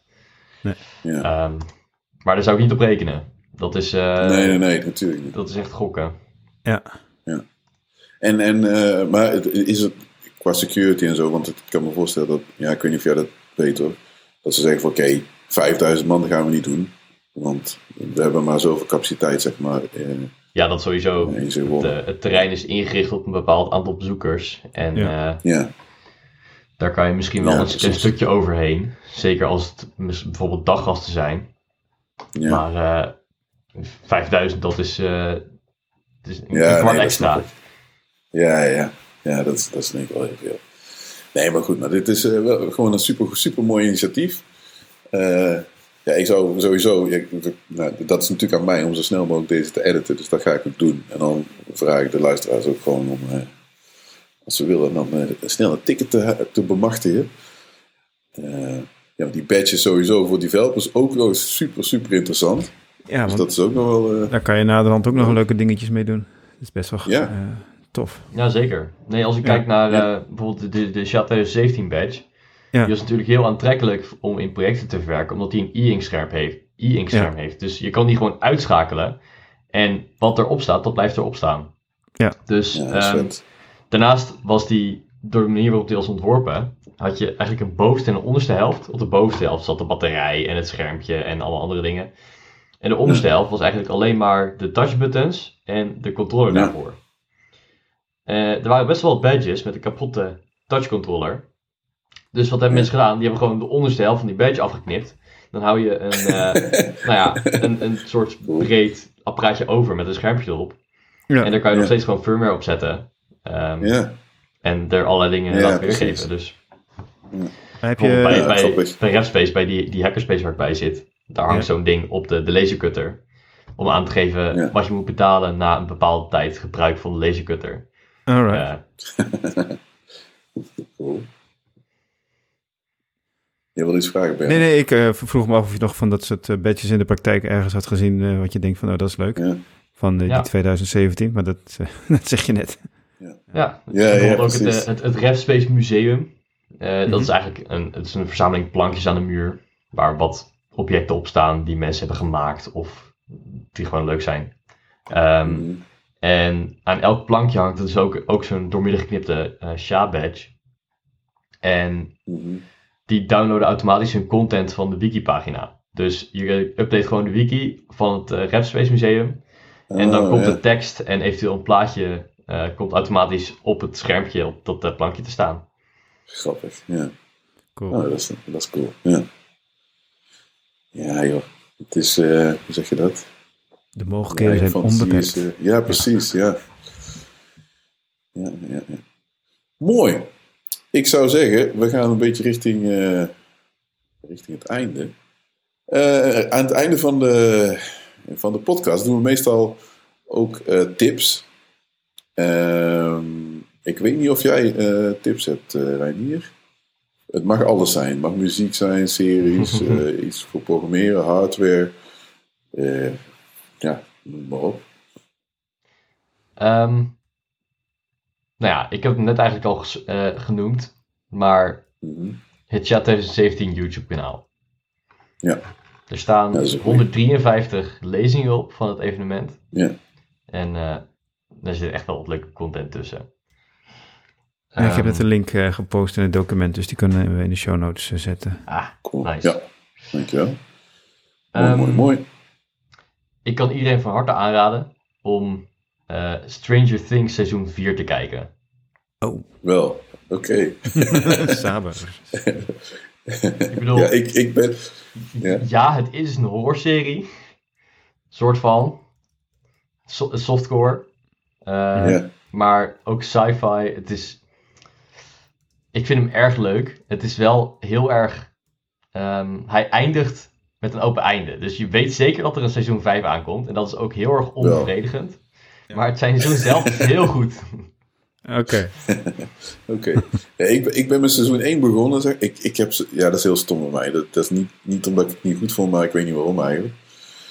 Seizoen 1 vond ik, ja, vond ik wel, ja, echt wel spannend. Ik, ik, ik, ik weet niet, volgens mij een van die seizoenen 2 of 3 is, die was minder goed ontvangen, toch? Ik dacht, ja, een van de seizoenen is inderdaad, uh, was iets minder populair. Maar 4 uh, is weer een goede, zeg je dus eigenlijk. Vond ik wel, ja. Ja, dan moet iedereen dus gewoon kijken. Nou, een goede tip. Ja, ja, ja. Nou, cool. Heb je nog meer tips? Of uh, is dat, uh, zijn dat... Uh... Ja, de watertaxi in Rotterdam is echt vet. ja. ja, klopt. Dan zijn ze ook heel... Serieus, daar zijn ze echt trots op in Rotterdam. Dat is ook hartstikke leuk. Dat is echt een ding. Je hebt ook nog zo'n snelle, toch? En een langzame? Of, ik heb een beetje... Um, nou, de, de meeste van die watertaxis die gaan uh, iets van 50, 55 km per uur. Ja. Um, de, de meeste zijn ook van hetzelfde model, dus uh, ja. dubbel waterjet aangedreven. Ja. Um, ze hebben ook een paar langzamere. Ja. Maar die heb ik niet gezien. Oké. Okay. Uh, wat me vooral opviel was dat het eigenlijk best wel goedkoop is. je hebt namelijk drie zones. Ja. West, Centrum en Oost. En als je binnen een zone blijft, dan betaal je 4,50, ongeacht hoe ver je gaat. Ja. En door van de een naar de andere zone is 7 euro. Uh, terwijl het bespaart je gewoon een half uur aan OV. Als je, ja. bijvoorbeeld, ik ging van Schiedam naar uh, de SS Rotterdam, uh, ben ik op van Zuid. Nou ja, ja. dus 10 minuutjes varen in plaats van drie kwartier met de tram. Ja, ja, ja. En het is heel vet. ja, ja. ja, ja. Ja, dat is wel een goede, ja. Ja, tof. Ja, ik moet er nog een keer in. Ik, ik, ik, ik zit nu uh, Papendrecht bij een van de opdrachtgevers. Dus daar hebben ze ook... Ja, het is niet een watertaxi, maar een... Weet ik veel. Dat, dat moet je zeg maar ook over, uh, over een stukje water. Dus dat is een, ja, dat is een veel simpeler ding. Maar dan hoor je heel vaak ook van... Hey, die watertaxi is tof. Ja, ja, ja. Dus ik ga er wel wel een keer in. Ja, ja, ja, ja. Nou, goed. Drie, drie mooie tips. Bernard. Ik heb één tip. Ik heb uh, recentelijk de website quantamagazine.org ontdekt. Daar staat wat uh, uh, veel wetenschappelijke artikelen worden achtergronden aangegeven. En het is volgens mij redelijk exact. Ik zie wiskunde, informatica, dat soort dingen langskomen. Oké. Okay. En geef wat achtergronden bij ontwikkelingen op dat gebied. Ik weet niet of het heel actueel is, maar het is wel wat wetenschappelijk georiënteerd en uh, ik vind het wel oké. Okay. Ja. Nou, cool. Mooi. Goeie, goeie tip. Uh, dat was hem, denk ik, of niet? Ja, hè? heb je nog een uh, geheime tip? Nee, ik heb... nee, qua series is het allemaal niet echt schokkend wat ik nu doe. Kijk. Nee, dat was hem. Okay. Ja. Jij? Ik heb er twee. Uh, een keyboard tip. Uh, ja, ik heb hem nog, nog niet. Ik denk dat ik er een ga kopen. Ik heb. Oeh, dat is denk ik. Ja, een jaar geleden GMMK Pro. Uh, keyboard. Dat is eigenlijk mijn tweede mechanische. Ja, goed, mijn eerste mechanische is eigenlijk officieel geen mechanisch, maar die wordt gerekend onder mechanische toetsborden. Niks. want die hebben een toper switch. En dat is eigenlijk een rubber dome switch, maar die wordt dan elektromagnetisch geactiveerd. Dus eigenlijk is dat geen mechanische, maar die type heel fijn. Dat was mijn eerste. Mijn tweede is gewoon een, ja, gewoon echt een mechanische toetsenbord. Dus ik ben een beetje langzaam, maar zeker rol ik zo een beetje in die uh, keyboard rabbit hole. En eerst mijn, die, die toetsenborden die voor mij die hebben altijd, die zijn gewoon netjes bedraad, zeg maar. Of netjes, die zijn bedraad. En uh, mijn, key, of, mijn GMMK is nogal zwaar. Dus die neem ik nu iedere keer mee naar mijn werk. Omdat ik gewoon verwend ben geraakt de laatste jaren door thuiswerk aan dat toetsenbord. Dus als ik nu zeg maar uh, twee keer in, de week naar het kantoor toe ga, wendt het niet zeg maar om die, op die gammele, stomme, normale toetsenborden te typen. Dat is echt niet fijn meer. Het is heel suf, maar... Dus ik, ik sleep iedere keer mijn eigen toetsenbord mee. En dat ding weegt nogal veel. En hij heeft een kabel. Dus ik wil eigenlijk nu eentje met, uh, gewoon met Bluetooth. Want ja, uh, dat is allemaal niet zo kritisch zeg maar als ik op mijn werk gewoon alleen aan het programmeren ben. En ja, het is een heel lang verhaal, maar goed, lang verhaal kort. De Keychron K8 Pro. Dat is een, een mechanisch toetsenbord ook. Die is volgens mij onder bij 100. Ja, je hebt verschillende versies, maar laten we zeggen, degene die je zou willen hebben, kost iets van 100 euro. Want dan heb je gewoon goede switches, goede keycaps. En het klinkt goed, zeg maar. Je moet hem eigenlijk nog wel een beetje modden, zodat hij niet zo hol klinkt. Maar voor die prijs heb je echt een heel goed toetsenbord. En dan kun je zelf nog gaan sleutelen. Uh, ja, en dan kun je alles vervangen. Want er zitten vervangbare switches op. Je kunt er andere keycaps op doen. Dus nou, dan hoor je er helemaal bij als je dat ding hebt. Dus dat is een tip. Andere tip is zeg maar de film, die is al een tijdje uit, uh, June. Dat bedoel ik de nieuwste uh, film, zeg maar, want hij is natuurlijk ook eerder door, veel eerder in de jaren 80, meen ik toch? Ja. Met Sting. Ja. Ja. Van... Dat is een filming. Ja. Er is natuurlijk het spelletje, June 2000 volgens mij. En, maar deze June, die heeft me echt gegrepen. Want ik, het stomme is dat ik gewoon het boek nooit gelezen heb. De boeken, zo moet ik het zeggen. En het is, eigenlijk is het gewoon een.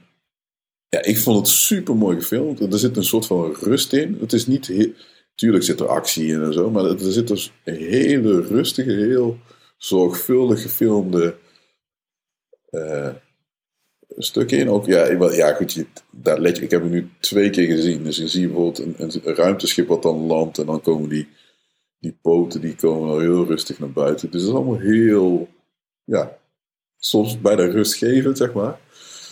Maar het verhaal en, en, en, en ja, ook kleurgebruik. Ik vond het ook een hele fijne film. Ik ja. heb met mijn zoon gekeken en die, uh, heeft meestal niet zoveel geduld, maar uh, deze hebben we gewoon samen uitgekeken. En, ja, en het is helemaal geen korte film, volgens nee, mij. Nee, een paar uur, twee, bijna drie. Bijna drie, ja. En, uh, en, en, dit is pas deel 1. Ja, dat, ik dacht eigenlijk dat het meer dan één deel was, maar hij hield in één keer op. Het zijn, het zijn zes boeken, dus ik weet niet of ze al die boeken gaan doen. Maar, ja, ze gaan zeker deel 2. Ja, ja, er komt een, een, tweede komt sowieso. Want, want het einde, ja goed, de, ja, daar valt niks. Ik kan alleen maar zeggen dat het open, dat is echt een open einde, zeg maar. Die van Stranger Things, die is vast wel helemaal open. Maar deze, ja, dat kan niet anders. Ja, ik vind het mooi. Ik, en ik las zeg maar ook, ook want ik, goed, ik ben, mijn ouders uh, die komen uit Tunesië. Dus ik, er zijn een aantal dingen, er wordt niet echt, echt Arabisch gesproken. Sommige dingen zijn wel Arabisch. En sommige zijn, die klinken als. Eh, en er ook, je ziet ook gewoon dat er verschillende culturen, zeg maar, ook ja, ontstaan zijn. En, en ja, dus het is echt wel, ja, wel grappig om te zien. En, uh, ja, ik vond het echt heel fijn om, uh, om te kijken. Ik, denk dat, ja, ik, kijk, ik kijk films eigenlijk niet heel vaak, misschien één of twee keer. ja, één is altijd wel handig om te doen. Maar twee is bij mij meestal veel. En bij deze film heb ik zoiets van, oké, die wil ik echt nog wel een paar keer meer zien. En ik ga de boeken lezen, want ik moet even... Eh, ja, de boeken, dat was toch... Um, één was goed, twee was iets minder, drie was nog minder. En dan... Ja, dat zal wel, ja. Zes ging weer redelijk, volgens mij. Ja, volgens mij hebben zijn kinderen... Volgens mij, die zijn toen aan de, ook aan de haal gegaan met een van de verhalen. Ik weet niet hoe dat zit. Maar goed, het eerste boek ze zeiden dat het nog steeds heel actueel is natuurlijk, want het gaat nog steeds over iets wat heel erg, uh, hoe zeg je dat, schaars is. Uh, een beetje zoals wij met olie en zo. Dus dat dat eigenlijk nog steeds aan de, aan de hand is en dat er nog steeds om gevochten wordt. Maar goed, ook die mysterie, dat mysterie eromheen is ook wel, wel cool. Maar goed, dus dat. Dat waren mijn twee tips. Dat was hem, uh, wat mij betreft. Ik wil jou eh, nogmaals bedanken, Reinier, uh, dat jij uh, de tijd hebt genomen om bij ons in de podcast te komen. ik vond het super interessant. Heel gaaf wat je doet, zeg maar ook. sowieso wens ik je ook heel veel succes met je tentamens, want dat, dat, blijft natuurlijk hartstikke belangrijk. Dus dat, en met de badge. Gaat, en met de badge. Maar die tentamens, dat, ja, dat gaat vast goed komen. Dus dat, daar gaan we gewoon gaan we maar vanuit. En uh, ja, nou goed, mensen kunnen je vastvinden op Twitter en zo. Dat gaan we nog in de show notes zetten. En op het festival zelf eventueel. We gaan vast mensen Juist. Ja, als je hem face-to-face wil uh, mee uh, zien, dan moet je naar het festival toe gaan. Dus dat is, dat is, dat is sowieso een goede. Ja, verder. ja, Codeklets. Codeklets zelf kun je natuurlijk vinden op codeklets.nl. Dus daar vind je allerlei informatie. Die zie je ook onze gezichten inmiddels, een beetje een verhaaltje erbij. Uh, alle afleveringen kun je daar ook zien. Je kunt ons natuurlijk ook vinden in, je favoriete podcastspeler. Maar ja, ik denk als je hier nu inmiddels beland bent, dan denk ik wel dat je een goede podcastspeler hebt. En dan weet je ons wel te vinden. We zijn op Twitter te vinden, Codeklets. Uh, we zijn op LinkedIn te vinden, Codeklets natuurlijk. En Instagram, minder actief. Uh, wat ook leuk kan zijn, is het Slack-kanaal. Waar mensen volgens mij heel veel private chats hebben. en het algemene eh, kanaal is wat rustiger. Maar goed, dat is een plek waar je uh, ons kunt aanspreken. Uh, en voor de rest, ja, wil ik jullie allemaal bedanken, luisteraars.